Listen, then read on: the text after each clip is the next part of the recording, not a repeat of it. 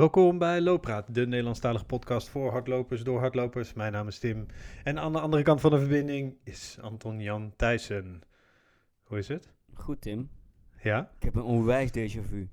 Ja, hè? Ja. Ik ook. Ja. Van naar eh, twee uur geleden. Wat te leren. De, de, de luisteraar is nu al de weg kwijt en daar ga je dadelijk ook nog hele ingewikkelde dingen vertellen. Ja, hoe, dat is we- mooi, hoe weet ik dat jij hele ingewikkelde dingen gaat vertellen? Ja.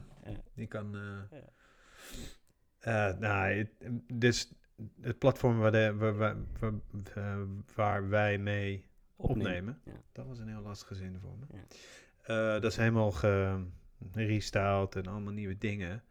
Ehm, maar we hebben deze aflevering hebben we dus al helemaal opgenomen. Behalve de intro, Ehm, die is mislukt. Maar op een of andere manier is mijn audiospoor niet volledig opgenomen. Ja. Dus mijn intro mist. Ja. Eh, dus die zijn we nu, het- dat is wat je nu Dus we zijn eigenlijk de intro na de outro opnieuw aan het opnemen, zonder dat onze gast erbij is. Ja.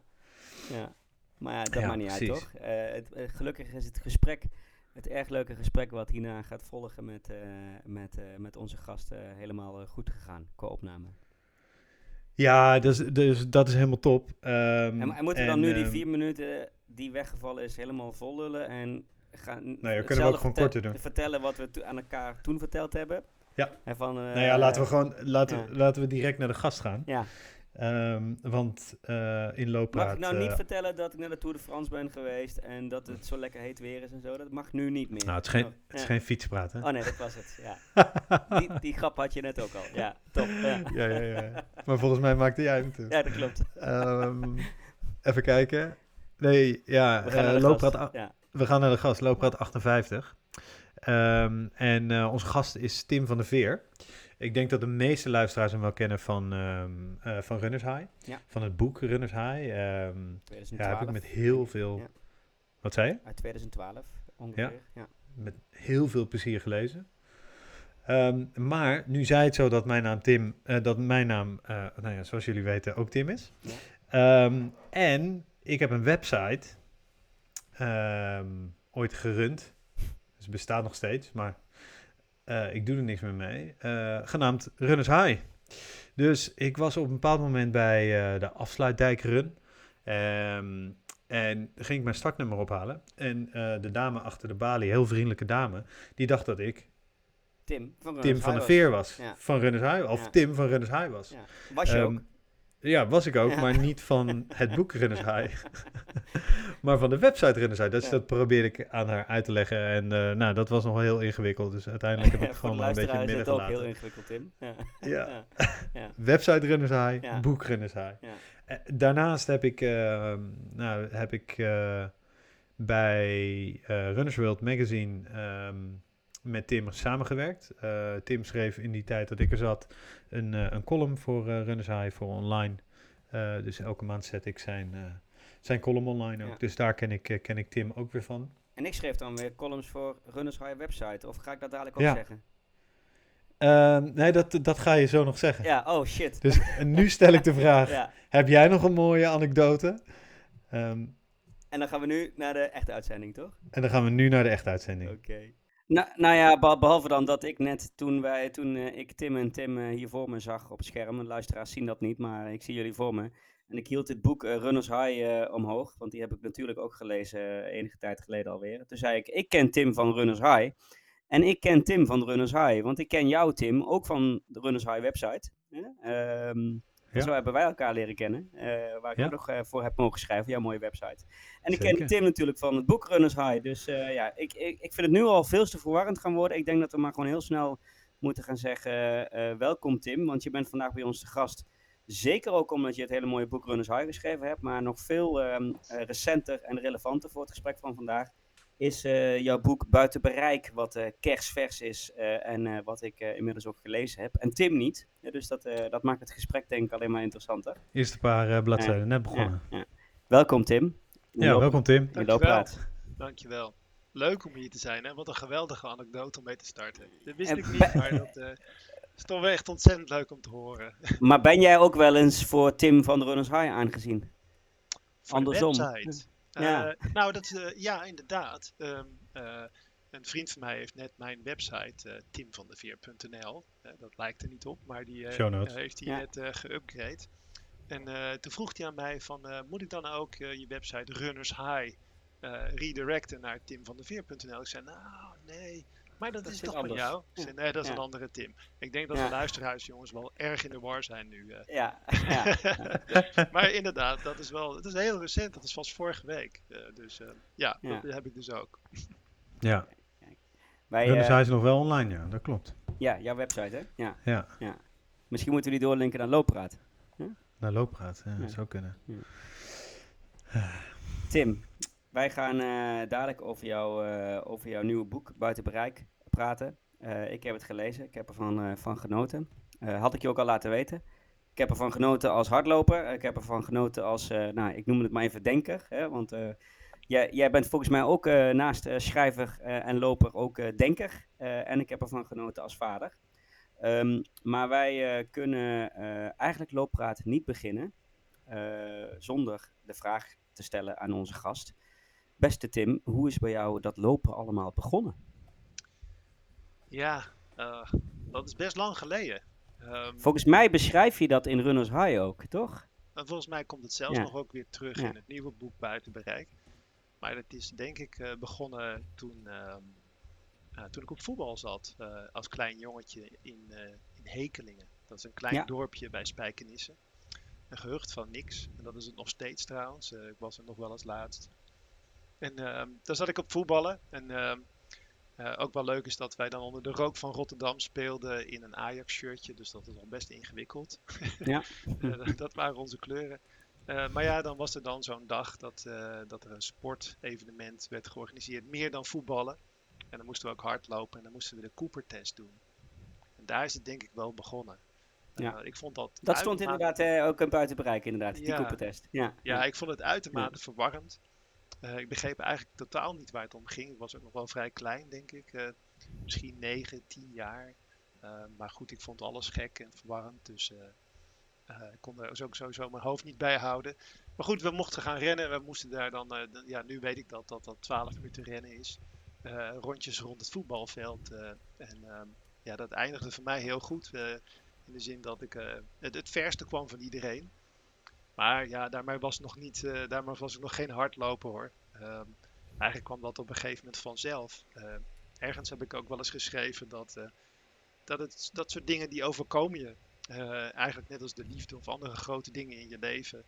Op een gegeven moment doe je het een paar keer en dan denk je van ja, dat voelt ongelooflijk goed.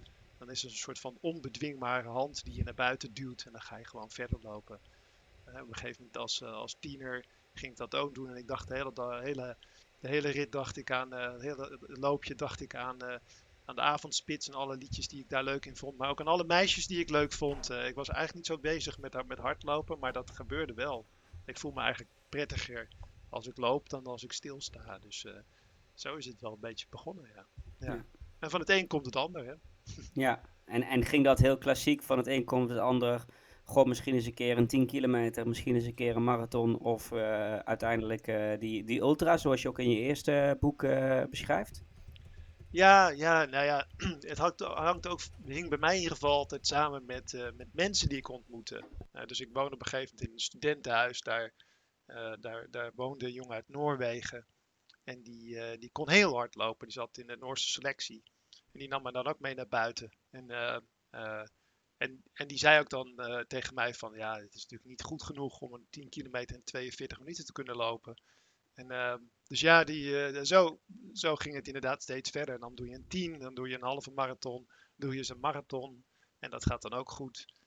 En eh, inderdaad, in het boek Runners High heb ik mijn eerste ultra beschreven. Dat was Ja. wel echt een stap waarvan ik dacht van, is dat überhaupt wel mogelijk? Eh, Dat was Swi- goed Swiss, Transalpine of zo, toch? Of, eh, Ja, dat was Swiss, ja, bestaat intussen volgens mij niet meer in deze vorm. Maar het was de, de Swiss Alpine Run of eh, Ja. zoiets dergelijks. Ja, en ja, een dubbele marathon rond de berg van Davos. Ehm, en omdat ik ook niet zo heel bekend was met berg, mijn ouders gingen liever naar de zee, was dat voor mij sowieso een dubbel avontuur om dat te doen door de berg heen. Maar dat eh, Ja. eh, viel eigenlijk eh, makkelijker dan een, eh, een snelle marathon, kan ik je vertellen. En dat vind ik nog steeds. Ja, ja. herkenbaar. Je, je zei net een, een, een zinnetje wat, die, die voor mij ook redelijk exemplarisch is voor de manier waarop je schrijft. Je zei, het, het overkomt je eigenlijk vanzelf, net zoals liefde en de andere grote dingen van het leven. Dus, dus lopen is voor jou een van de grote dingen van het leven. Ja, ja, zeker. Ik, ik kan niet, eh, denk ik, eh, mijn eigen leven meer voorstellen zonder eh, hard te lopen. Of in ieder geval buiten te zijn. Want er zal op een gegeven moment ook een moment komen dat dat niet meer lukt. Nee, dat, maar- dat de knietjes of iets anders gaat zeggen, nu even niet. Ja. Nee, precies. Ja, eh, ja. ehm, maar nee, dat, dat hoort er ehm, systematisch bij bij mij. Ehm, het is ook een prachtige balans als je een zittend beroep hebt en je bent druk met, eh, met werken achter de computer. Dan is dat natuurlijk een schitterende balans om, om vervolgens je lichaam eh, in werking te stellen. Ja. Ehm, maar het is ook een, eh, een prachtig moment om gewoon in gedachten te verzinken.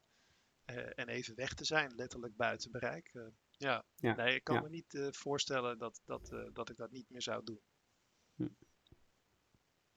Tim, sorry, ik viel jou in de reden. Jij wilde iets vragen ook.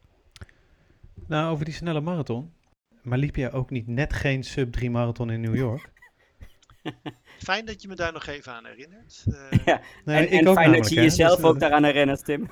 Ja, en, en we moeten het gewoon even opbrengen, toch? ja. Maar zeker, volgens mij liep zeker. jij hem net even...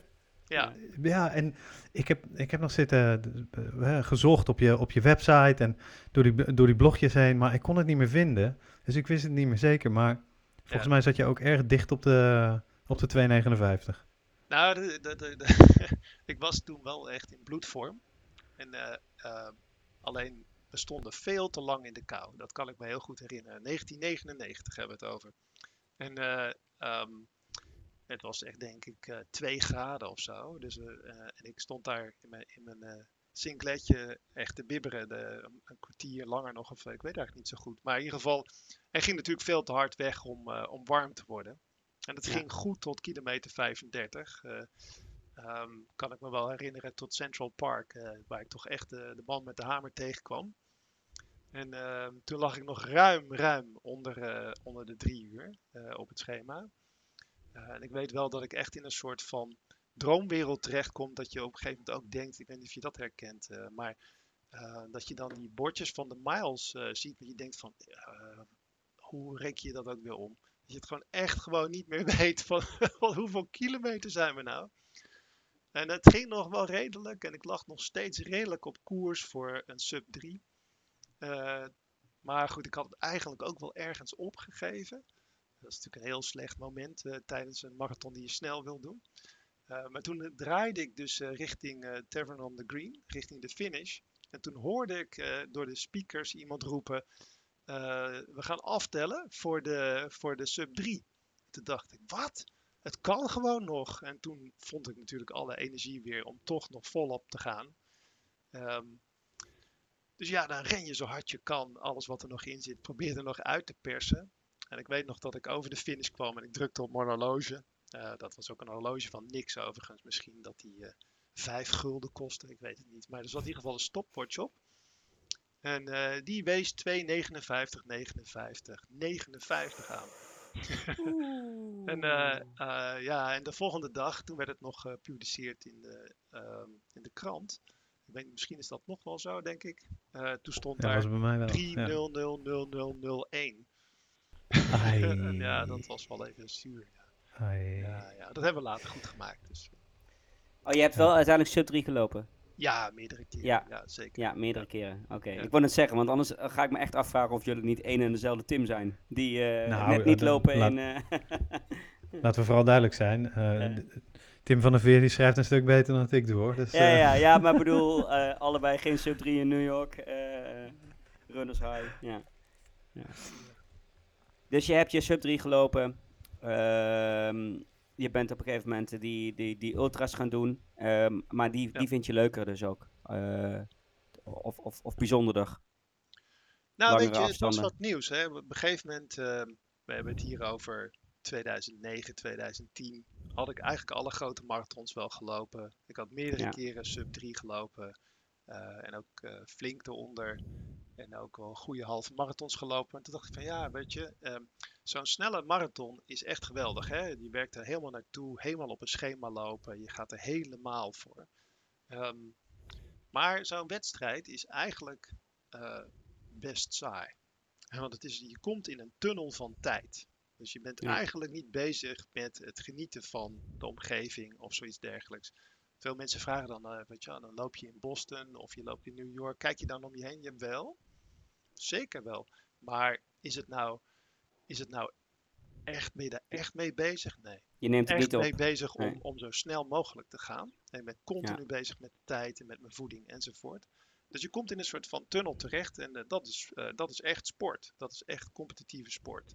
Um, toen dit op mijn weg kwam om uh, ja, die dubbele marathon te lopen in 2010, in de omgeving, de schitterende omgeving van, van Davos, en daarvoor had ik getraind in de Himalaya, toen ontdekte ik dat, ja, dat is natuurlijk ook een geweldig avontuur. Ja, dan maar dat, en daarbij was het ook nog zo, dit was de start van het traillopen. Dat begon toen echt. Um, daar ging een hele nieuwe wereld voor mij open. Is van dat namelijk geen afstand kan je vergelijken met elkaar. Want elke trail is anders. Dus dan valt die druk ook weg dat je steeds maar de snelste moet zijn. En dat vond ik er erg mooi aan. En dan kan je echt gaan genieten van de omgeving van het lopen. En ook nog competitief zijn af en toe. Um, maar ja, dat, dat, dat werd gewoon veel meer een avontuur dan, uh, dan de marathon of de halve marathon of een snelle 10. Wat ik nog steeds geweldig vind hoor. Daar niet van. Ja. Maar uh, dat ja. heeft me uiteindelijk toch uh, meer getrokken. Ja. ja.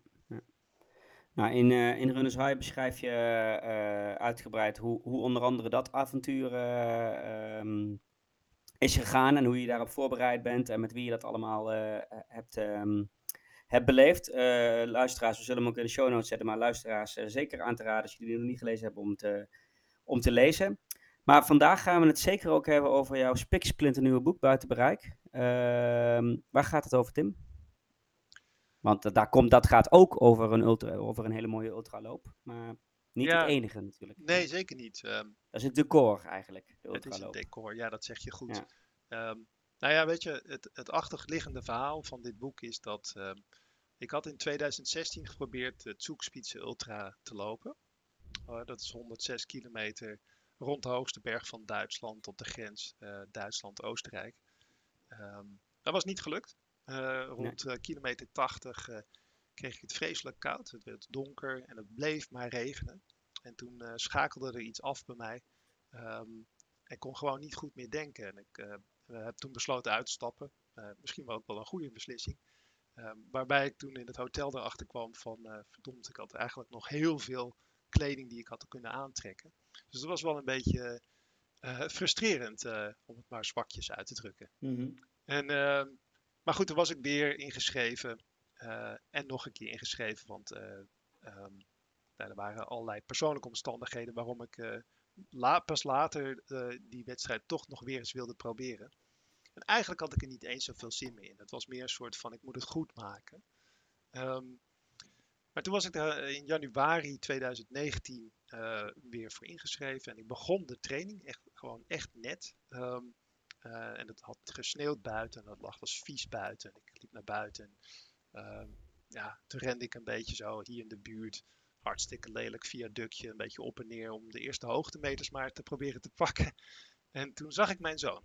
Uh, mijn zoon uh, die was daar aan het skaten als een. Met mij alleen, want er was verder niemand. En uh, het was zo vies buiten. En toen vloog hij me om de hals. En toen zei hij tegen mij: um, Die 100 kilometer trail, die wil ik dat je voor mij loopt. En um, daar, daar, schrok ik van. En, en, het was meteen menens. Ik wist dat hij het absoluut serieus over was. En toen kwam ik thuis en toen sprak ik daar met mijn vrouw over. En toen dacht ik, zei zij ook van, volgens mij vraagt hij om meer. Hij wil graag dat je dit doet voor, voor hem. Maar hij wil misschien wel wat meer weten over wie jullie zijn. En waarom jullie zijn zoals jullie zijn. Um, en ja, toen dacht ik bij mezelf, oké, okay, misschien kan ik hem wel een verhaal vertellen over mezelf. En over hem en over mijn vader ook. de achterliggende reden is dat mijn zoon ja, misschien niet helemaal binnen de sociale norm past. Uh, en um, er was dus wel een verhaal te vertellen die hem moed kan geven voor het leven. Dus dat was de achtergrond en daar gaat het boek over. Ja, en, en jij bent ook daadwerkelijk dus, los van het feit dat het natuurlijk een, een, een, een boek is, maar jij bent daadwerkelijk ook, volgens mij in totaal, voor de zesde keer een poging gaan doen om die trail te gaan lopen. Ja, zes keer, maar daar zaten dus bijvoorbeeld ook twee ja, keer COVID bij en dan ging Juist, het niet door. Dus dan, ja, ja, ja. ja, nee. En, we, gaan, we, gaan, eh, we gaan niet verklappen hoe, hoe die zesde keer nee. uh, uiteindelijk is verlopen. Dat mag de, dat, dat mag de lezer of de lezeres zelf ervaren. Maar neem ons eens even mee naar die, die vijf keer daarvoor. Die, die, die, die, komen ook terug in het boek, maar je zei net al de eerste keer uh, ben je redelijk uh, snel uitgestapt. Maar waarom dan toch iedere. Ja, je hebt net misschien een beetje uitgelegd waarom die drive om toch weer mee te doen. Maar wat ging er iedere keer mis? Um, ja, dat is ja, al, ja, nou, ja, de, de eerste keer duidelijk inderdaad. Uh, ging er een knop om van oké, we moeten hier weg, dit is niet goed. niet veilig. Dit is gevaarlijk, ja. ja. Daar heb ik veel van geleerd overigens, want ik ben in veel moeilijkere omstandigheden later gekomen. En Um, ik kan iedereen aanraden om steeds te denken van uh, er zijn oplossingen. er zijn echt vaak nog voor oplossingen die je kunt bedenken. Uh, en dat is ook eigenlijk ultra trail lopen. Is het continu uh, vinden van kleine oplossingen voor problemen die je tegenkomt. Ja, en ehm, anticiperen daarop. Ja, ja. ja. Nou, de tweede keer ehm, had ik me ingeschreven, was ik eigenlijk helemaal klaar voor. dat was het jaar daarna. was ook in bloedvorm. maar mijn moeder werd ziek. Dus ja, ik kon gewoon niet weg. Dus dat was een persoonlijke omstandigheid. Um, toen heb ik een jaartje overgeslagen, want toen had ik echt helemaal geen zin meer in. toen heb ik wat andere grote wedstrijden gedaan. Misschien nog wel zwaarder en ingewikkelder dan de Zugspitze Ultra. Uh, en voor de helderheid, ik ben er niet eens zo'n fantastisch goede ultraloper. Dus uh, er, zijn, er zijn mensen die ook in deze podcast zijn geweest die veel beter zijn. Maar uh, uh, maar toen, uh, ja, 2019 was eigenlijk de eerste keer dat ik serieus weer aan de wedstrijd kon gaan starten. En dat was ook de keer dat mijn zoon me de opdracht had gegeven. Ja.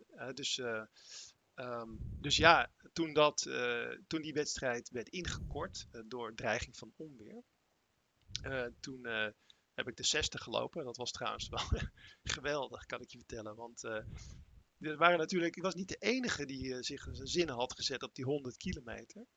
Uh, dus uh, ik heb echt nog steeds te doen met die mensen die die 60 kilometer hadden gekozen als afstand. Want ja. die hadden in één keer al die 100 kilometer lopen in het startvak staan. Ja. En die stonden allemaal opgefokt vooraan.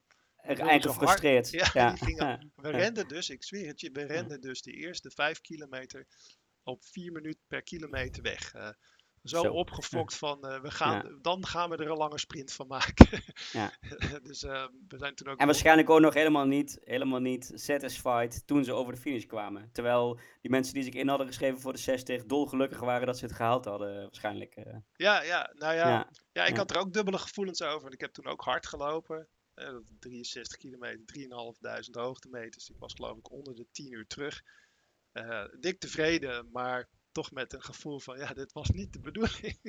Nee. uh, maar goed, ja, en toen kwam corona en ja, dus die andere keren gingen niet door. Um, en, uh, en, de, en dat wil ik wel alvast vertellen, dat is wel een goed verhaal, denk ik. Ook in uh, vorig jaar was het natuurlijk nog steeds niet mogelijk om de zoekspitsen te lopen. Nee. En uh, toen ben ik op zoek gegaan van hoe kan ik het dan doen? Kan ik het zelfstandig uh, lopen met hulp van van een paar vrienden. En uh, zo heb ik het uiteindelijk gedaan. Ja. Was dat, was dat uh, want je, je had uh, ook nog een, een crew mee en een daarvan was... Um, Ruud die Kapper. Leerde jou kennen, ja, die leerde jou kennen via Runners High, toch? Of die had jouw boek gelezen? Um, ja, dat is een, ja, heel ja, gaaf verhaal ja. eigenlijk. ja. Um, ja, ik kreeg op een gegeven moment een berichtje via Instagram een paar jaar geleden binnen van Ruud Kappert. En, um, en die, die had een foto van hemzelf. Uh, met een big smile stonden ze bij de wereldkampioenschappen.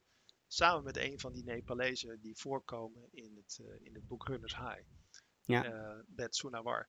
En hij schreef aan mij van, deze gast ken je misschien nog wel. kijk eens waar we staan. Zijn ja. bij de wereldkampioenschappen. En by the way, um, ik sta hier mede dankzij het feit dat ik jouw boek heb gelezen. En dat heeft me uiteindelijk geïnspireerd om te gaan trailrunnen. Ik ben er blijkbaar erg goed in. Ja, dat Gaaf. bleek ook maar. Ja. ja, want hij is een van Nederlands beste eh, trail eh, en ultralopers. Hè? Ru- Ruud Kappert, voor de luisteraars die dat niet weten. Maar me- mede geprikkeld door, jou, ehm, door jouw boek dus. Om überhaupt dat te gaan doen. Ja, dus daar was ik enorm Ja, van onder ja. de indruk. En dat was misschien wel het mooiste effect van zo'n boek als je zoiets kunt bereiken. En Ja. ehm, eh, toen hadden we heel veel contact met elkaar, maar we hadden het nog steeds niet afgesproken. En net op het punt vorig jaar dat ik te horen had gekregen van de, de zoekspeditie is weer afgelast. Toen hadden we net met elkaar afgesproken van nou, misschien moeten we dan maar eens gaan lopen. Dat was ergens in mei vorig jaar. En ik weet nog dat ik tegen Alaude, mijn vriendin, zei, ehm, voordat ik in de auto stapte om met hem te gaan lopen hier op de Utrechtse Heuvelrug. Ik zei van dit voelt wel goed eigenlijk. En ehm, volgens mij ga ik hem eens vragen of, of hij het wil. Kleine kans natuurlijk. Maar goed, ik kwam hem tegen en eh, we hadden meteen een klik. En ik zei tegen hem van eh, het verhaal van het boek. Die zei hij, nou ik voel de vraag wel al komen. En eh, Ja, nou, ik wist ook het antwoord al. ah, Ja. mooi. Ja, Ja. dat was erg gaaf. Ja, Jij, ehm, eh, jij beschrijft in jouw boek, nou, wat je net ook al schetste, het verhaal van je vader, het verhaal van jezelf en het verhaal van je, van je zoon. Ehm, zonder zeg maar eh, te, te, te veel eh, eh, te verklappen wat dat verhaal dan precies is. heb ik, had ik één zinnetje opgeschreven die, die ik even ga voorlezen. en daarna een vraag erover ga stellen. Als je het goed vindt. Moet, ehm, ik weet trouwens niet of ik Micha of Misha moet ze- zeggen. Misha. Misha, ja. Ja. Eh, het was op dat moment, Misha, dat ik begreep dat wanneer de storm in ons, in de sneeuwbol, uiteindelijk volledig gaat liggen, zal blijken dat er al die tijd niets was en dat we beter kunnen leren van de sneeuw te houden. Eh, vond ik ook zo'n hele fraaie eh, zin. Ehm, kun je daar wat meer over vertellen, over die sneeuwbol? Zeker, ja, dat verhaal. en, en het lopen? ja, ja. Zeker, ja, ja, ja. Dat verhaal ehm, heeft ook al eerder gepubliceerd eh, gestaan in eh, Like the Wind. Dat is een prachtig blad uit Engeland. Ehm, ja, Een zeker. beetje de ja. Mystical Miles van, eh, van Ja. Engeland. ja, Ehm, ja, dus daar heeft het in gestaan. Eh, ja, ik kwam op een gegeven moment... onbetaalbaar helaas om het in Nederland fatsoenlijk te laten bezorgen. Maar Nee, dat is niet te doen inderdaad. wel een schitterend blad. Ja, dus Ah, fijn dat nu een Nederland Mystical Master is. Ik wou ja. zeggen, we hebben Ja, intussen ja, iets dichter ja. bij huis een, een goed alternatief. Ehm, eh, nee, dat, ik, op een gegeven moment eh, kwam ik er wel achter dat eh, mijn brein op een andere manier werkt dan bij andere mensen. En dat is denk ik bij mijn zoon en bij mijn vader ook. Ehm, en dat is, je kunt denk ik mijn brein het beste voorstellen als zo'n sneeuwbal, weet je wel, zo'n plastic souvenirtje waar de Eiffeltoren in staat. En als je ermee schudt, dan sneeuwt het daarin. Ehm, en bij mij is het echter zo dat, eh, dat het altijd sneeuwt. En, en dat ik eigenlijk niet zo goed kan zien wat er nou eigenlijk precies middenin zit. En dat, eh, en dat wil ik wel heel graag. Dit verlangen heb ik wel. Ehm, en het rare is dat, eh, of het, het mooie eigenlijk, niet het rare, misschien. ehm, het mooie is dat hoe langer ik loop en vooral lange afstanden, dan lijkt dat minder te worden. Dan kan ik beter omgaan met die sneeuw, dan lijkt die te verdwijnen. Ehm, en ergens kwam ik er natuurlijk wel achter. van, Er zit natuurlijk helemaal geen Eiffeltoren achter. Nee. This is what it is. en, eh, Ja, ehm, Ja, en misschien moet ik wel gewoon leren leven met de sneeuw. En, eh, en dat die daar dwarrelt. En soms wat meer en soms wat minder. Ja. Misschien is het wel goed en misschien eh, heeft dat ook voordelen. Ja. en- Heeft dat, eh, het sneeuw, heeft dat je belemmerd bij het schrijven van boeken? Nee, dat heeft me geholpen. Ehm, dat probeer ik in het boek ook eh, regelmatig eh, aan te halen. Eh, ehm, eh, hoe kan ik dat beste uitleggen? Ehm, ja, kijk, mijn zoon is ook bijvoorbeeld bij een, een psycholoog geweest. En de eerste keer dat wij met die psycholoog afspraken en we te horen kregen hoe het met hem zat, daarvan van dat moment kan ik nog precies herinneren dat er een hond blafte buiten. Eh, dat ik een eh, vliegtuig hoorde overvliegen, overvliegen. eh, dat de trap kraakte. Eh, ik weet nog eh, dat ze iets van, eh, van slijm in haar mondhoek had. Eh, eigenlijk allemaal irrelevante details. Ehm, maar die voor mij allemaal net even hard binnenkomen. En, eh, ehm, En dat, is, uh, dat, dat kan natuurlijk lastig zijn om te concentreren op het gesprek waar je in zit of uh, waar, waar, je eigenlijk moet doen. Um, ja. Daar heb ik mee leren omgaan. En ik denk eerlijk gezegd dat hardlopen me daarmee heeft geholpen. Uh, om daar geconcentreerder in te worden. maar het is geweldig als schrijver. want je kunt daaruit putten. als je daaruit kunt kiezen van, en kunt beschrijven.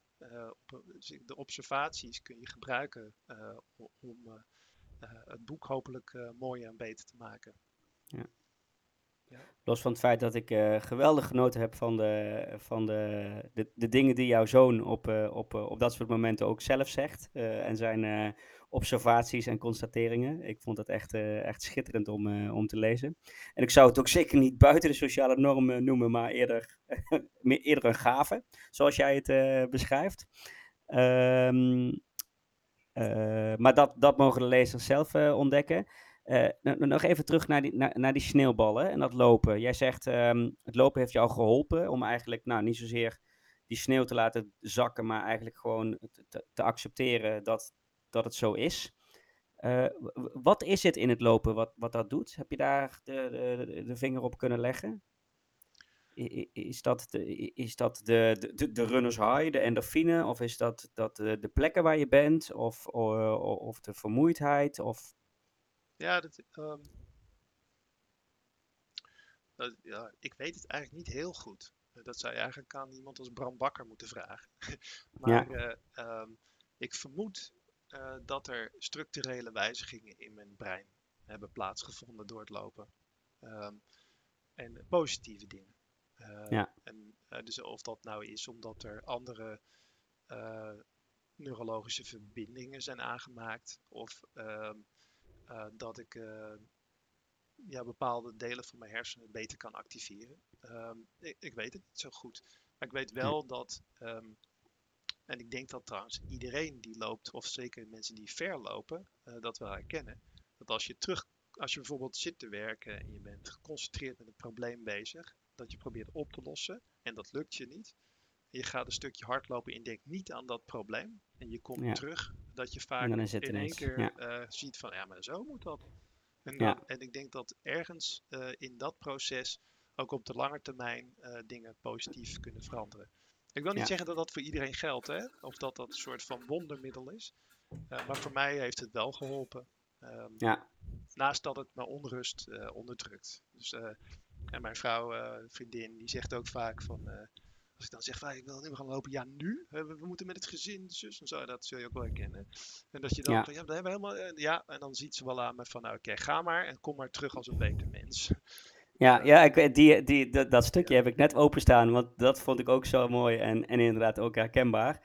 dat je zegt op een gegeven moment, of je schrijft aan je zoon, wat ik uh, intussen wel heb geleerd, is dat ik vermoedelijk net als mijn vader en jij ook veel alleen moet zijn. Dat ik stilte nodig heb ten einde gelukkig samen te kunnen zijn.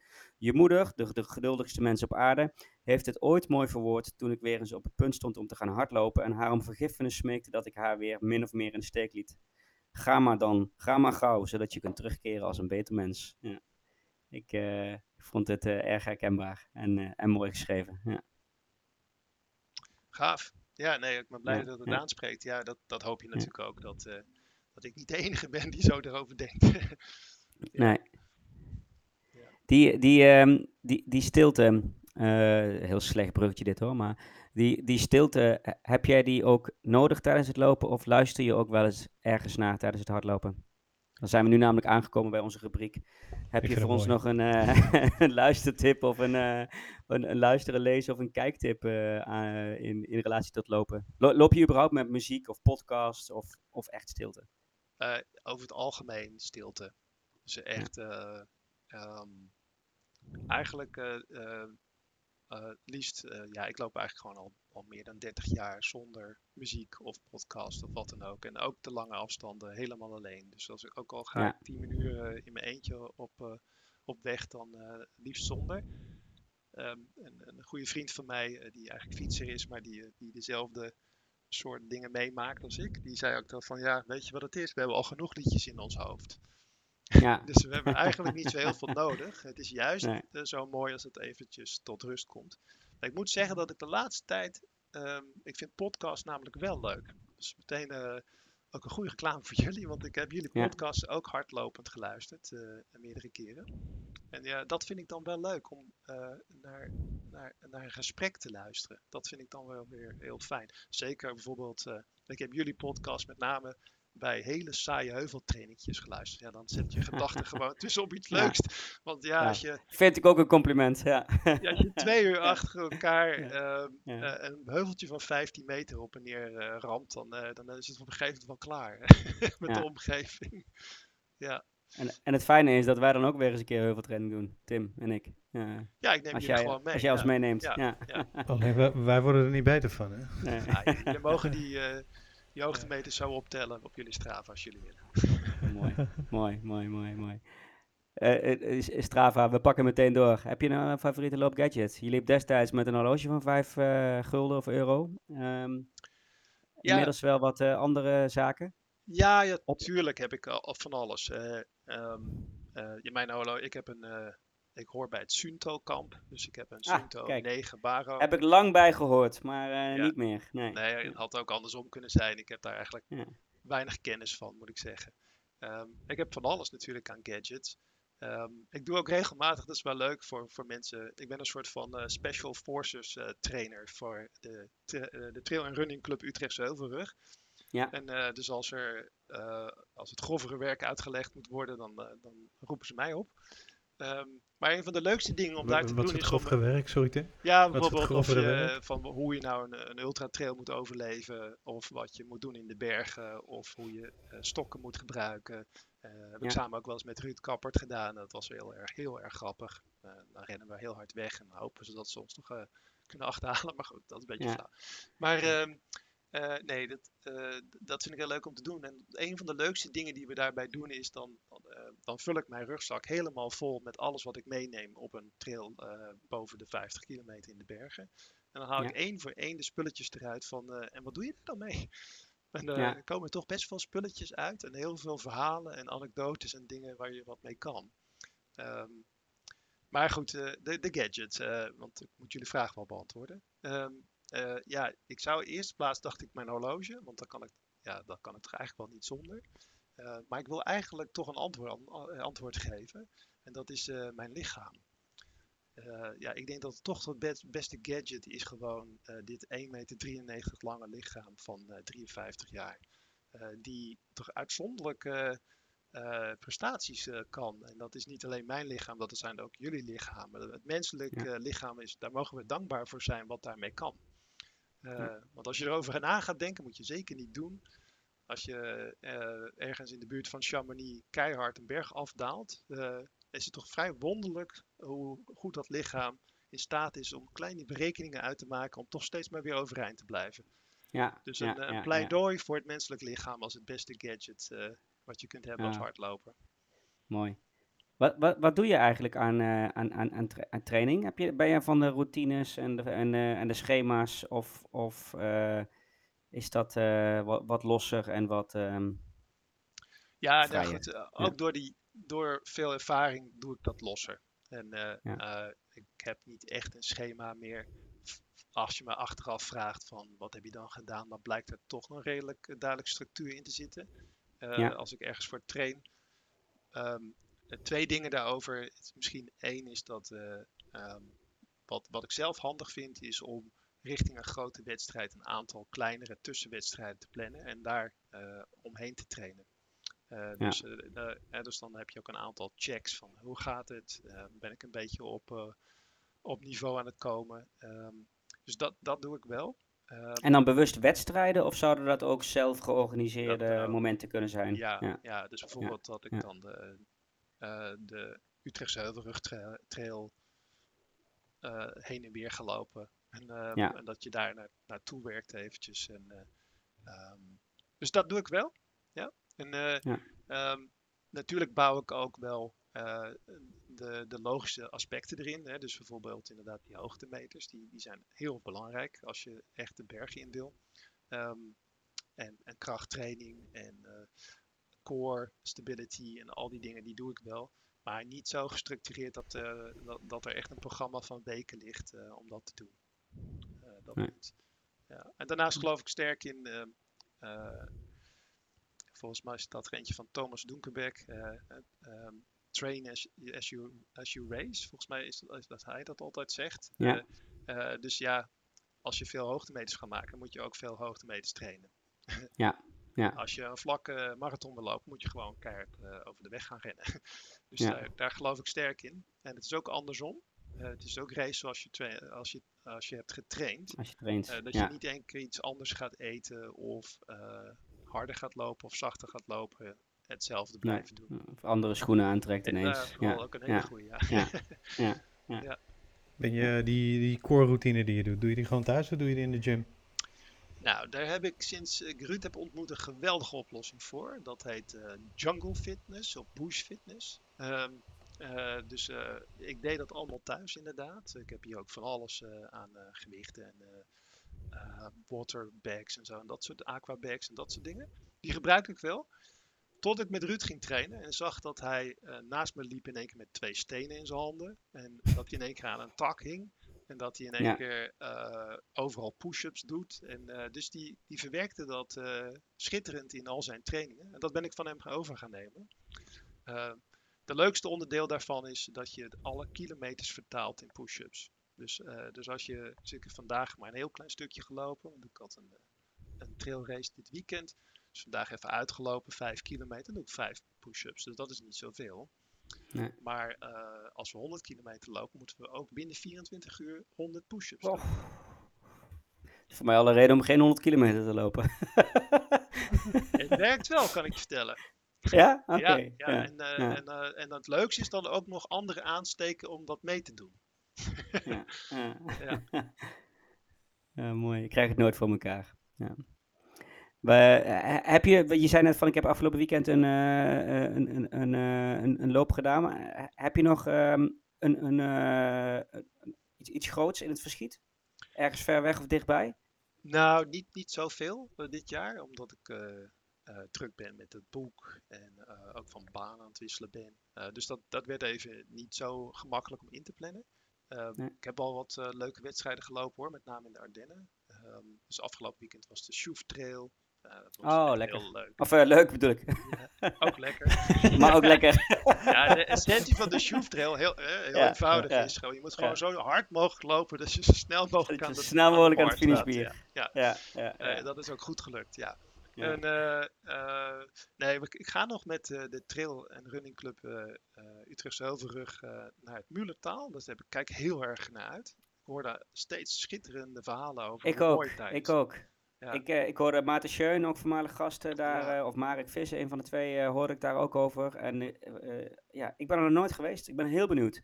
Maar het schijnt echt eh, nou, een must, eh, een must-do te zijn. En natuurlijk ook nog relatief dichtbij voor, eh, voor, eh, voor ons. Ja. Eh, bedankt voor dit eh, bruggetje, eh, Tim, naar een, eh, eh, naar, naar een leuke vraag die wij, eh, die wij hadden. Of eigenlijk twee vragen die wij hadden gekregen van, ehm, Oh ja.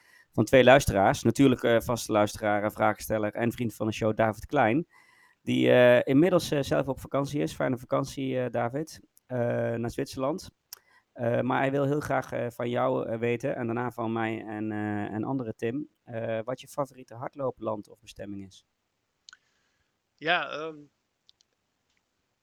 eh, ik, ik heb het, het geluk gehad om in heel veel landen te kunnen lopen. Het heeft ook veel met mijn werk te maken. Ik werk bij Oxfam, of werkte intussen bij Oxfam. Ehm, Ja. En heb daar de wereld voor, eh, voor mogen zien in de afgelopen twintig jaar. Ik zou eigenlijk niemand meer sowieso aanraden om eh, zomaar te gaan vliegen om, om een ha- hardloopavontuur te doen. Eh, dus ik kon dat natuurlijk vanuit mijn werk mooi meenemen. Maar Ja. daar, daar zijn we wel achter. Ehm, ehm, maar ja, weet je, het avontuur bevindt zich dus één centimeter buiten de deur. Dus dat is het belangrijkste. En ik heb laatst eh 20 kilometer vanuit huis gelopen. Gewoon hier vandaan richting de Utrechtse Heuvelrug. eh, met een rugzak bij me. En ehm, heb toen geslapen onder een tarpje. eh, in de omgeving waar ik altijd trail. En altijd train. En eh, dat was zo'n geweldig avontuur. Ik keek er meteen met hele andere ogen naar. En eh, dat, daarvan eh, heb ik wel geleerd van, eh, ja, ook in Nederland of in je eigen omgeving is heel veel avontuur. Eh, Maar als ik dan toch moet kiezen, denk ik dat, eh, dat de Franse Alpen me het altijd nog het meeste trekken. Ehm, ja, het is zo prachtig, zo mooi. Ehm, erg toegankelijk ook voor ons. We kunnen er met de trein naartoe en, of met de auto. En, eh, het is natuurlijk ook redelijk veilig. sommige andere gebergtes zijn echt een stuk eh, gevaarlijker ook nog. Eh, dus ja, daar, daar, daar heb ik wel van genoten. Maar ik heb ook in Thailand gelopen, midden door de stad. En, eh, of eh, in, eh, in Mexico heb ik gelopen. En, eh, in, in allerlei plekken. Ja, eigenlijk is er altijd wel iets grappigs aan. En iets leuks Altijd een aan. avontuur. Ja, Ja. ja. Ja, Maar Franse mooi. Alpen. En, en Niels Duifhuizen, ook vriend van de show, heeft inmiddels ook antwoord op zijn vraag gekregen. Want die zegt, waar liggen jouw mystical miles in Nederland? Ehm, nou, 1 centimeter buiten de deur. Dus, 1 ehm, centimeter de deur. Ja, ook ja, vaak in het ja, donker vind ik ja. Nederland erg leuk. eh, dat, Ja? ja, zeker. Loop je, en, en, en dan loop je ook zonder, zonder lamp? Of, ehm, Soms ook, ja. of, eh, Eh, ja, ja. ja, zeker. Als er, ook, eh, als er, als er een eh, volle maan is bijvoorbeeld, dan is dat goed te Ja. doen. Trouwens, op heel veel plekken is dat goed te doen. Er is ook heel veel lichtverstrooiing Ja. natuurlijk. ja, ja. Maar, ehm, maar ook wel met lamp hoor. Ehm, mag niet overal, eh, dus misschien Nee. moeten we dat er maar uitsnijden. Tim, jij? Ehm, ik, sluit me, ik sluit me erg aan bij Tim. Ik denk, ik heb nog niet zo heel veel van de wereld gezien. Dus ik heb niet één favoriete plek. Ik beetje, ben in Chamonix geweest, nou daar is het fantastisch. Maar ik eh, eh, in Mexico op, eh, op het eiland Holbox eh, jaren geleden rondjes gelopen en een lange duurloop. En, weet je, dat is fantastisch. Maar door de stad heen, New York City, weet je, dat je door de straat heen naar eh, Central Park en daar een rondje en dan weer terug. Ja, eh, daar ga ik enorm op aan. Wat ik altijd wel mooi vind is, is ehm, voor, eh, weet je, als ik dan met mijn vriendin eh citytrip deed, dan ging ik ochtends meestal even lopen. Maar dan had ik in de week daarvoor had ik die hele stad al uitgepluist van oh, wat zou een mooi rondje zijn, waar, waar wordt er veel gelopen, waar niet. En om zodoende leerde ik die stad al kennen. Dus dan als we dan uiteindelijk die stad in gingen, dan zei ik nee, we moeten hier rechts en daar zit wel een bakkertje en daar kunnen we dat doen. Ja, ja, ja, Want je hebt er al gelopen en je hebt het al gezien. Ja. Dus ik denk, ehm, ik heb geen favoriete plek, maar ik vind het gewoon heerlijk om in het buitenland te lopen. Dingen ontdekken, Ja. nieuwe buurten, nieuwe straten. Ik vind het prachtig. Ja, En jij, eh Anton-Jan? Nou ja, eh, eh, al- alsof het eng is, maar ik heb een combinatie van jullie twee antwoorden. Want zoals je weet heb ik in 2015 in Nederland rondgelopen en weet ik hoe mooi ons eigen land is ehm, eh, met hardlopen. Maar wa- wat ik zelf nu juist leuk vind na die vakanties, is ochtends vroeg gaan lopen en dan als iedereen eh, wakker wordt zeggen van ik weet een leuk plekje waar we met z'n allen kunnen gaan ontbijten. Ehm, en waar ik dat denk ik het mooiste gehad heb, is eh, eh, ehm, eh, op Hawaii. Daar heb ik echt, echt het meest genoten van, eh, van al mijn loopjes. En wat ik by far eh, de mooiste omgeving vond om te lopen, zijn voor mij eh, niet de Franse Alpen, maar eigenlijk de, de, de hele route van de Ultra Tour de Monte Rosa. Dus op de grens ook met ja, Italië. Die staat bij mij ook Ja. nog op het lijstje.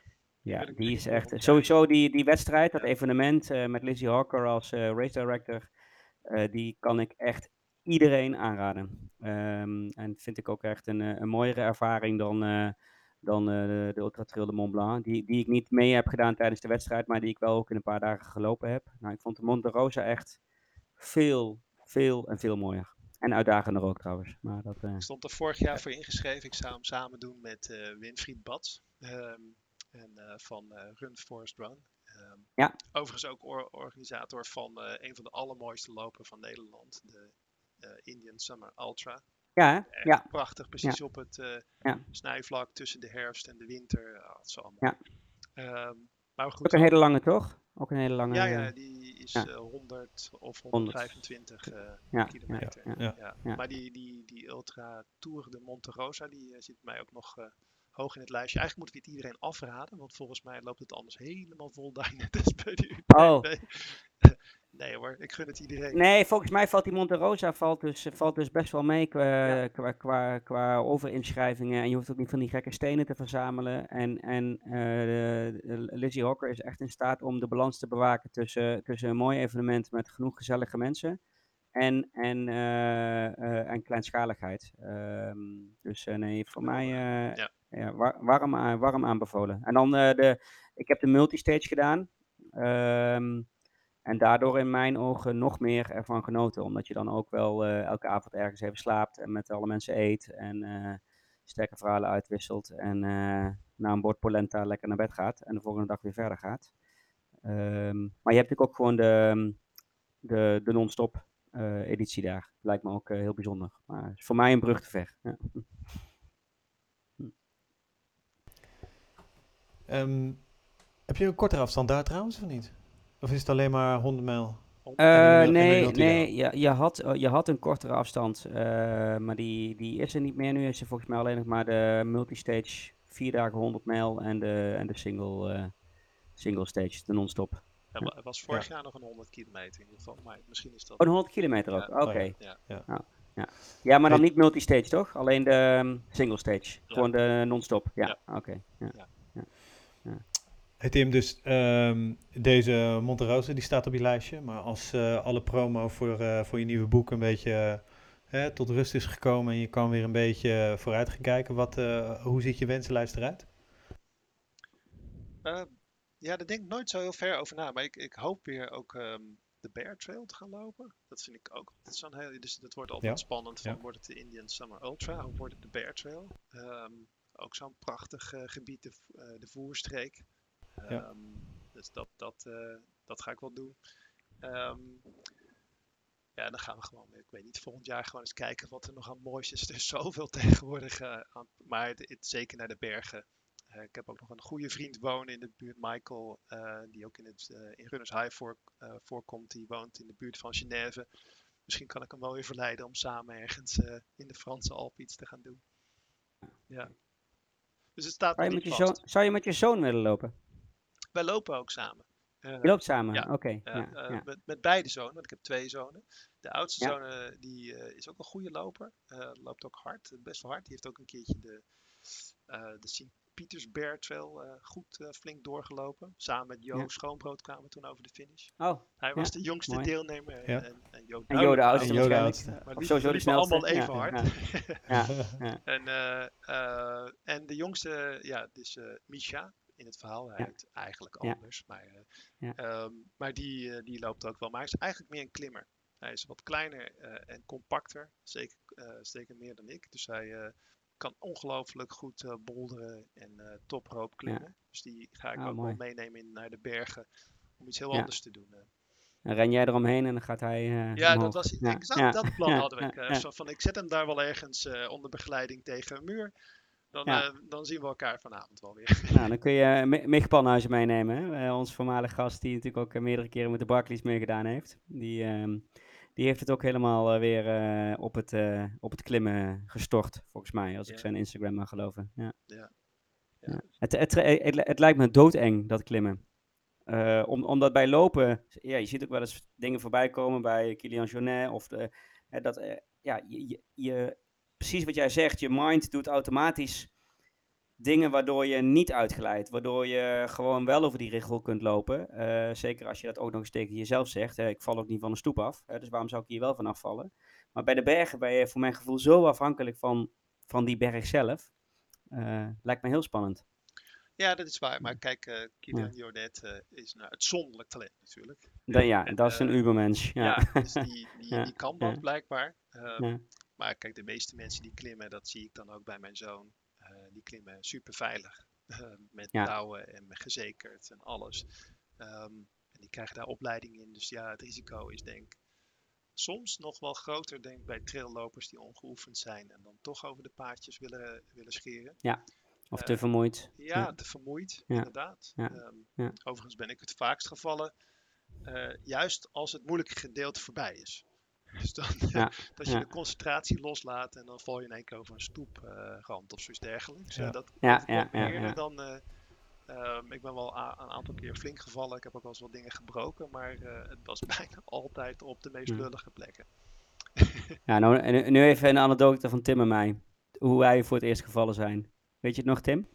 Hoe wij het eerst gevallen zijn? Oh ja, zeker ja, wel. Wij, wij, wij, gingen samen trainen voor de, voor de OCC, hè, de, ja, de, de, babyafstand van de, van de UTMB. En toen moesten we dus ook met zo'n hoofdlamp gaan trainen. Dus wij met die hoofdlamp de duinen in. En uh, ik denk dat Tim als eerste zei... Goh man, je ziet echt alles met zo'n hoofdlamp. Pam, daar lag hij. Ik ging in, direct daarna ging ik onderuit. Ik schoot Ja. natuurlijk keihard in de lach. En ik zei van, nee, maar je moet die overlamp niet, niet te ver schijnen. Je moet ook een beetje naar voren. Pam, daar lag ik. dus we zijn echt, ik denk, ah, ik denk binnen twee minuten lagen we echt allebei vol op Happy en happy hoor. Ja. Ja, nou, daar kan- ik nog wel een verhaal aan toevoegen. Ja. En Ruud en ik eh, zijn inderdaad natuurlijk de berg ingegaan rond het zoekspietsen. En, eh, om eh, om eh, de opdracht eh, te vervullen. En Ja. ergens tijdens een lange klim in het donker, ehm, ergens op een richel, eh, daar in dat gebied, ze- zei Ruud, eh, kijk, de sterren komen door, dat is schitterend, kom we doen eventjes de lampen uit. eh." Dus we stonden echt op een, op een afgrondje. Maar ja, ik voelde me prima en, en veilig. dus we zetten die lampen uit. Maar als je gewend bent aan zo'n lamp en je zet hem uit, is het plotseling echt donker. Pikzwart. Ja, dus, ja. En dan ga je echt wankelen. Dus echt was, ah man, als je nog eens wat weet, dan Ja. echt meteen die lampen weer aan. Later hebben we dat weer goed gemaakt, hebben we de lampen weer eh, uitgedaan, maar op een wat veiliger plek. eh. Ja. Ja. Ja, maar dat was Ja, een wat dat momentje, betreft dat ze was toch wel zo'n momentje oh, dat je denkt ja. van, eh, hmm, dat had ook anders kunnen aflopen. Was dit ook was Ja. dit wel veilig? Ja, Ja, ja, ja, ja. ja, ja. Eh, Tim, heb je voor, eh, voor onze luisteraars die misschien eh, nou ja, eh, dit jaar, volgend jaar zo'n lange, lange trail willen gaan doen in de bergen, heb je nog tips om, om, om daar een beetje eh, mee om te leren gaan? Weet je, dat, dat, dat moment van, nou ja, sowieso moet je in het donker trainen, maar hè, die, die, die smalle randjes, paadjes, afgronden.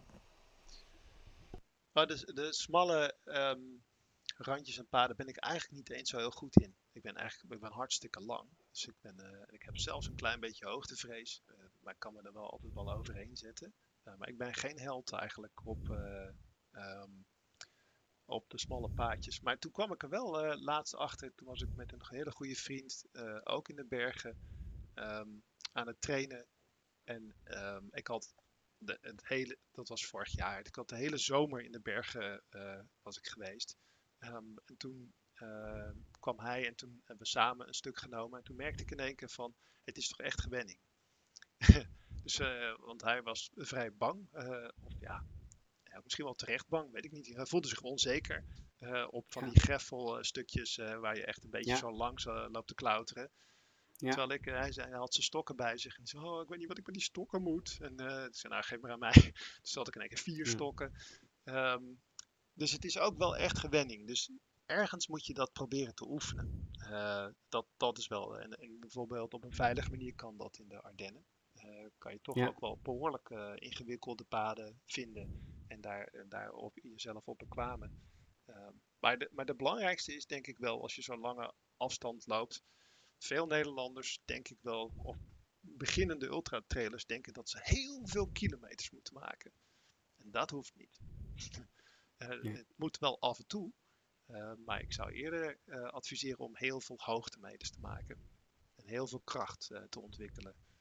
Eh, Ja. dat, dat is denk ik wel de essentie, want eh, da- daar red je het mee. Eh, Ja. Want, die, die, die, Ja.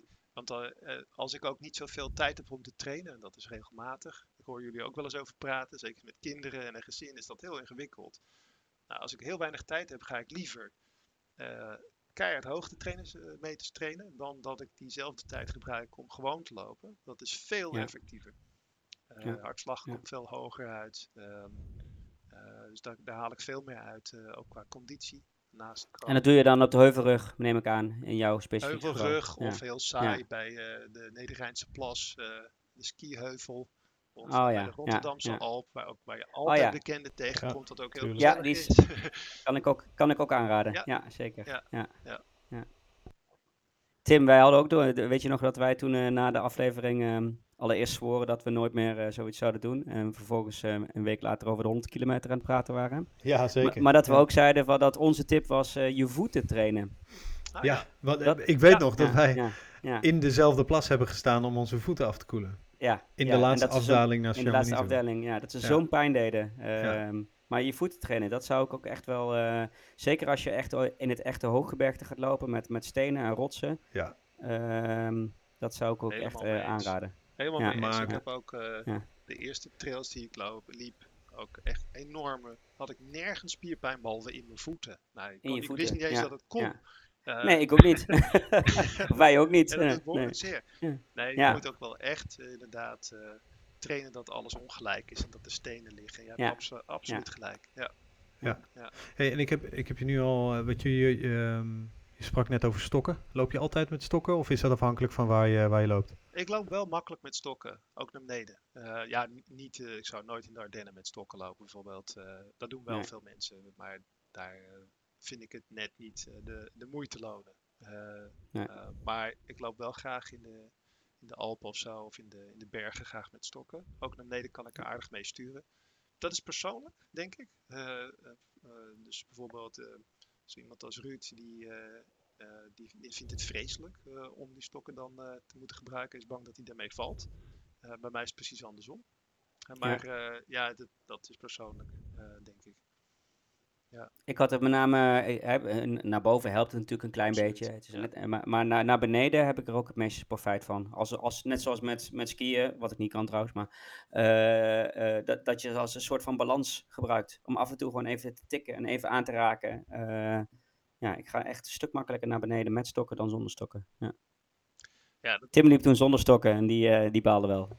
Ja, zeker. ja. zeker. Ik, ook al was hij nog sneller dan ik. beneden, maar- Wat, wat zat je het meeste dwars? eh, ehm, ik denk dat ik eh, er meer uit had gehaald als ik stokken had om naar boven te gaan. ja, Want je dan toch net even, je kan ook die kracht uit je armen pakken. Ja. Ja. In plaats van dat je volledig op je benen bent. eh. En weet je, als ik terugkijk naar die, naar die specifieke wedstrijd, het was de allereerste, mijn allereerste echt in de, in de echte bergen. Ehm, ik eh, trainde voorna- voornamelijk in de, op de heuveltjes van, eh, eh, ja, van de duinen, van de ja, of, waterleidingduinen. of af en toe en, eh, de Ardennen. Hè? Ja. af en toe de Ardennen, maar Ja. het is het toch allemaal niet. Eh, en dan, dan, dan loop je opeens een, eh, eh, een berg op waar je nou ja, een, half uur, een half uur over doet om, eh, om halverwege te komen. Weet je. Ja, Ja. dat is gewoon echt het andere werk. Ehm, maar ik maakte bijvoorbeeld ook de fout van eh, dat mijn schoenen waren gewoon er niet goed voor. Die waren prima voor in de duinen. Ja. Maar als je dan eh, eh, vier uur hebt gelopen, dan denk je, oh, mijn poten doen nu heel erg pijn. Hoe ver moet Ja. ik nog? Ja. Weet je, en dan zit je net eh, halverwege. Weet je, dus zoveel. Weet je, het is de eerste keer zoveel fouten gemaakt waar je. Waar je Ik weet nog wel dat ik de schoenen van- wordt. Ik had dezelfde schoenen als Kilian gekocht. Ik dacht, nou, als hij daar eh, de Ja. QMB op kan lopen, kan ik daar de OCC op lopen. Maar ik was even vergeten dat hij lichter, lichtvoetiger, eh, sneller, eh, beter getraind was dan ik. eh. dus inderdaad had ik ook andere schoenen moeten hebben. Ja. Nou, Ja. de- de- als je met stokken gaat lopen, is dat ook wel echt iets om te trainen. Want, Ja, ja, klopt. ik Ja, zie zoveel ja. mensen met stokken en waarbij de efficiëntie ervan echt ver te zoeken is. Dat is echt zonde. Dus die- daar kun je Ja, en dat ik me ook kan voorstellen dat Ruud Ja. zegt dat ze meer in de weg zitten dan, eh, Ja, ge- ja. of gevaarlijk zijn. Maar zelfs dan, ook naar eh, boven. Dat je denkt van, goh, nou, dat, dat eh, is bijvoorbeeld de coördinatie, voet, stok. En nou ja, er is van alles over te zeggen. Maar, maar belangrijker is ook nog als je 10, 15, misschien wel 20 uur in de bergen gaat lopen met stokken. Gaan je armen op een gegeven moment ook wel merken hoe licht die stokken ook zijn. je hangt er steeds in. Ja. Dus je schouders en je armen ja, en je handen moeten daaraan wennen. Ja. Ja, dus dat gaat heel veel Net zoals trainen met een rugzak en dat soort en zaken. neem je ze mee? Dus in je, in je hand of in je, nou ja, van alles. Allemaal dingen om uit te zoeken. Dat is ook wel weer leuk aan onze sport. Al die dingen uitzoeken en leren. Train, train like you race and race like you train. Zo is dat. eh, Ja. bl- dat blijft een mooie. Eh, overigens, over die hoogtevrees en over die richtertjes. eh, eh, eh, en, en ik meende daar ook een, een, een soort vanzelfde vergelijkenis in, eh, in je boek tegen te komen. Maar kan dat ik me nu ook verkeerd herinner. Eh, ik ben glazenwasser geweest in mijn eh, studententijd als bijbaan ehm, bij, bij mijn oom. En dat was nog in de tijd dat, eh, dat de regels niet zo streng waren als nu. Dus dan moesten we eh, bovenop het ziekenhuis van eh Tig Hoog, moesten we over het randje van het ziekenhuis lopen en dan in dat bakje stappen. En in dat bakje werd je vervolgens keurig ehm, vastgezet. Maar over dat randje moest je gewoon vrij lopen. Nou, dat zou nu echt niet meer mogen. En, dan zei, en dat, dat randje was nou, 50, 60 centimeter eh, breed, misschien nog wel meer. En dan zei mijn oom eh, altijd tegen mij, maar van eenzelfde eh, stoep val je toch ook niet af als je op de grond loopt. Waarom zou je er hier wel vanaf vallen? Weet je wel, dat zit in je hoofd. Je, je, je, je valt niet ineens 70 centimeter naar rechts of naar links. Of, ehm, en, en dat heb ik. Nu is het natuurlijk in de bergen iets anders. Als, als je ook kunt uitglijden en als je misschien vermoeid bent en dergelijke. Maar Gewoon dat tegen jezelf zeggen van waarom zou ik hier vallen? Ik val toch ook niet als ik nu op de stoep zou lopen? Dat heeft mij wel altijd geholpen. Ja. Oh, ik krijg letterlijk, letterlijk, ik krijg echt helemaal kriebels in mijn buik van wat je net vertelt over dat, over Over dat randje lopen. Ja, ik ook wel. Ja, Ja, maar het- als het zo... Je, Oh, je de valt hel, niet. jongen. Je valt nee, niet. Maar, oh Eh, man, de hel. Waarom zou je vallen? Ja, Ja, dat komt ook eh, in, in buitenbereik eh, wel voor, volgens mij. ja, hè? Ja, vergelijkbare eerste, anekdote. eerste, ja. Een van mijn Ja. eerste wedstrijden waarbij ik echt serieus over zo'n regeltje ging. Hè? En ik wist dat absoluut Ja. niet. Het was een kleine trail, de Eco Trail Pradulie. Prachtig overigens, bestaat niet meer. Is ontzettend jammer. Ehm, maar goed, dus ik liep, ik was in topvorm, dus ik liep met de kopgroep mee. Het is maar een klein loopje hoor, dus eh, makkelijk om in de eh, kopgroep terecht te komen. Ja, dus ik liep mee en ik eh, stormde naar boven en ik genoot nog van het uitzicht richting de Mont Blanc. Toen stormden die mannen een klein riggeltje op en ik stond echt bevroren. Zo van, "Ah, gaan we hier dit doen? Ja. En ja, dan Ja. moest ik precies wat jij zegt, want toen ik daar uiteindelijk overheen was, keek ik terug en dacht, nou ja zeg, dit is gewoon een steegje in Utrecht. Dat, dat, daar val ik toch ook niet zomaar tegen de muur aan of zo. Dat slaat Nee, helemaal nergens nee. op. eh. Eh. Maar dan gaat er toch iets om in je hoofd. eh. Maar zoals ik zeg, weet je wel, het is toch over de loop der jaren ben ik daar beter in geworden en kan je jezelf ook wel eh, mentaal in sterken. Ja, Ja, en het is mentaal natuurlijk voor een groot deel. En dan nou, nou nog steeds moet je je verstand blijven gebruiken, want inderdaad, tempo aanpassen. En, eh, want eh, als je heel hard gaat, kun je ook eh, heel hard uitglijden. Ook 70 centimeter. Ja. nou, dat is ook zo. ja. Tim, ik zit even naar de tijd te kijken. Ja, ja. maar we Klein zijn, we uurtje zijn, hadden we gezegd, maar het is Ja, nu een ruim uurtje geworden. we, zijn- we, zijn er alweer, we zijn er alweer overheen. Maar, Ja, ja. maar ehm, eh, er, zijn eigenlijk, eh, er is eigenlijk sowieso nog een slotvraag eh, die, we niet, eh, Ja. die we niet zonder kunnen. Ehm, en we moeten nog even eh, op het einde het riedeltje doen. En we moeten nog even aan Tim vragen eh, waar eh, mensen het beste ehm, meer over he- hem kunnen volgen, meer over hem kunnen weten. En het boek kunnen kopen. Want sommige schrijvers hebben daar specifieke voorkeuren voor. Eh, met die laatste vraag te beginnen, Tim. Als eh, luisteraars geïnteresseerd zijn in jouw boek, eh, waar kunnen ze dat het beste halen? Overal waar ze willen, weet ik eigenlijk niet. Ik hoop Ja. echt eh, Nee. ja, dat het mensen aanspreekt eh, als je van lopen houdt. En eh, wat je zei, hè, als je ook wat houdt van denken en, eh, ehm, en, en als het je interesseert van wat, wat er gebeurt met iemand als je misschien buiten de sociale norm terecht te vallen. Ja. Dan heb je denk ik een leuk boek. Maar het is overal te koop, echt overal. En ik heb geen bijzondere voorkeur daarvoor. Ehm, ehm, ja, nee, eigenlijk niet. En jou kunnen ze vinden op timvanderveer.nl, zullen we in de show notes zetten. En natuurlijk ook gewoon op Instagram en dergelijke. Facebook, Instagram, eh, Ja. Instagram, eh, Ja. LinkedIn. Ja, zeker. Mooi. En jij weet wat de laatste vraag is, hè? Ik weet dat. Eh, Ja. nou, je moet het misschien toch nog even stellen. Jouw loop je niet kapotcast Ah, ja. tip voor onze luisteraars en voor Tim en mij. Hoe blijven mensen hun rest van hun leven met plezier en zonder blessures lekker hardlopen? Ja, daar dacht ik eh, vanochtend over na. Want ik was vanochtend eh, bij eh, de orthopeed voor een MRI-scan van mijn knie. En, Oeh. eh, ja, ja, maar de orthopeed die zei... het begin van het einde. Ja. Nee, nee, dat is precies, Nee? precies Ja. het tegenovergestelde. Ja, ik heb dus een lichte artrose, dat krijg je als je op een gegeven moment wat ouder wordt. Ehm, eh, maar ik was inderdaad angstig dat ik misschien roofbouw aan het plegen was. En dat Ja. al die jaren van lopen, dat, eh, dat, had, eh, dat dit dan nu het resultaat was. maar deze meneer die bevestigde mij vol harte dat het precies andersom was. Dat het veel slechter mij zou gaan zijn gegaan als ik dit niet allemaal had gedaan. Dat ik vooral moest blijven trainen. Dus eigenlijk moet je de vraag denk ik omdraaien. Dus van hoe zorg je dat je goed in het leven blijft staan? En dus door gewoon lekker blijven lopen. Dus dat is, dat is mijn tip. Eh, ja, natuurlijk alles met mate. En, ehm, Ja. Maar eh, eh, ja, het was mooi te horen dat, dat mensen, vooral niet-lopers, altijd tegen je zeggen van ja, je gaat nog een keer de prijs betalen. Dat bleek precies ja. andersom te zitten. Volgens de Ja, expert. mooi. Mooi. Nou, die kunnen de niet-lopers in hun zak steken. Zo is Hm? dat. Maar die luisteren niet mee, of wel? Eh, nee, waarschijnlijk niet. Nee. Overigens zou ik die niet-lopers wel aanraden om je boek te lezen. Want wat ik al, eh, al eh, tegen je gezegd had, en volgens mij ook in het begin van de uitzending zei. Ik heb ervan genoten als hardloper, maar zeker ook als, ehm, als vader. Maar ik denk ook voor, ehm, voor, voor andere ouders of mensen die inderdaad iemand in hun omgeving hebben die, die zich herkennen in de situaties die jij schetst, dat het erg, een erg mooi boek is. Ehm, eh, en als je dan en vader en hardloper en denker bent, dan, dan geniet je ervan, net zoals ik. eh. dus eh, super bedankt Tim voor, jou, ehm, voor je boek en voor je tijd eh, bij Looppraat. En ehm, Tim, Tim gaat nog een heel riedeltje doen en dan gaan we nog even napraten in de afterparty. Dus ga, ga alsjeblieft nog niet weg. Maar eh, hartelijk dank. Dank jullie wel. Yes. Nou, als je... zijn in- inmiddels eh, 70 minuten verder. Eh, als je zover bent gekomen, dan, eh, dan vond je deze aflevering leuk. Ehm, en dan zouden wij je graag willen vragen om het eh, door te vertellen aan een van je loopvrienden natuurlijk. Eh, je kan ons vinden op eh, alle socials, het Looppraat. Eh, we hebben de website looppraat.nl, daar kan je ook inschrijven voor de nieuwsbrief. Eh, dan krijg je als eerste een berichtje zodra er weer een nieuwe aflevering online staat. Eh, we zijn via alle grote podcast-apps te beluisteren. Spotify, ehm, ik wou iTunes zeggen, maar het is Apple Podcast.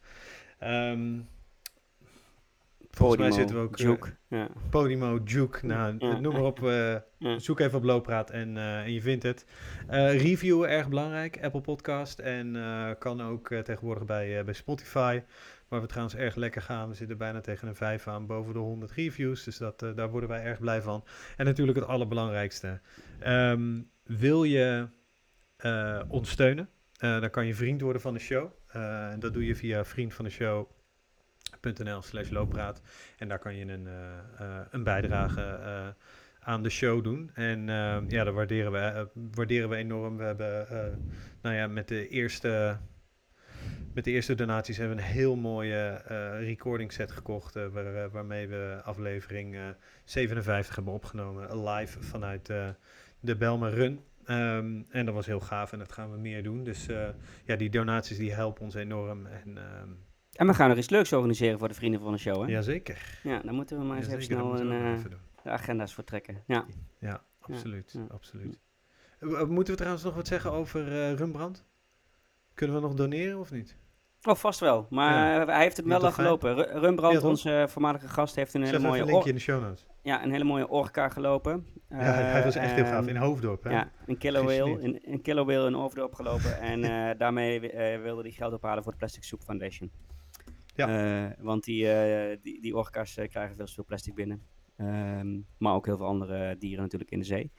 Ehm, en ik ga denk ik dit weekend zijn uh, Spiksplinter nieuwe Vos lopen. Ik weet niet of je die ook gezien hebt. Die heb ik ook gezien, ja. Die is mooi. Ja. ja. 38 kilometer. Als het niet te heet wordt, ehm, ga ik die eh, zaterdag maar eens even wegtikken. Nou, lekker vroeg beginnen, man.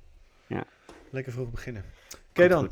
Eh, Tim, Tim van der Veer, wel te verstaan natuurlijk niet tegen Ja. mezelf. Eh, Ja. Heel erg bedankt. Eh, ik ga met eh, heel veel plezier eh, verder in je boek. En ehm nou, dankjewel. Dankjewel voor het luisteren. Eh, blijf lezen, blijf luisteren, blijf lopen. Blijf lopen. Jojo. Hoi. Top. Dat was hem. Heel. 1 uur 14. Ja, ja, ja. Ja, zoiets.